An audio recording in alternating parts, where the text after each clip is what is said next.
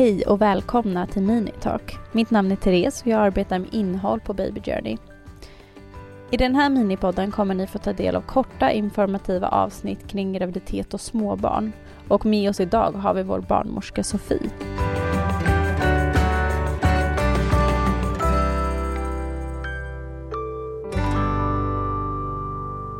Förlossningsdepression är något som oroar många och i dagens avsnitt ska vi gå djupare in på vad det kan innebära och vad du som drabbad kan göra.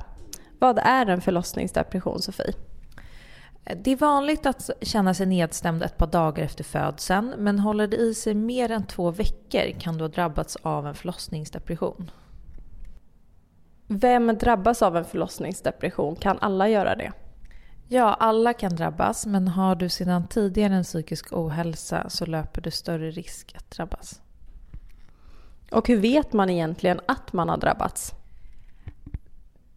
Om du känner dig nedstämd varje dag under två veckor, en stark oro, ett humör som växlar och har sömnsvårigheter, det kan ju alla nyblivna föräldrar ha, men att det håller i sig eh, en längre tid. Vad kan man som drabbad göra åt det? Ta kontakt med vården så snabbt som möjligt om du misstänker att du drabbats av en depression eller att en anhörig har gjort det. Och finns det på något sätt någon risk att man eh, blir drabbad av depression långt efter förlossningen? För att det ska räknas som en postpartum depression, alltså en förlossningsdepression, ska det komma inom 4 till 6 veckor efter förlossningen.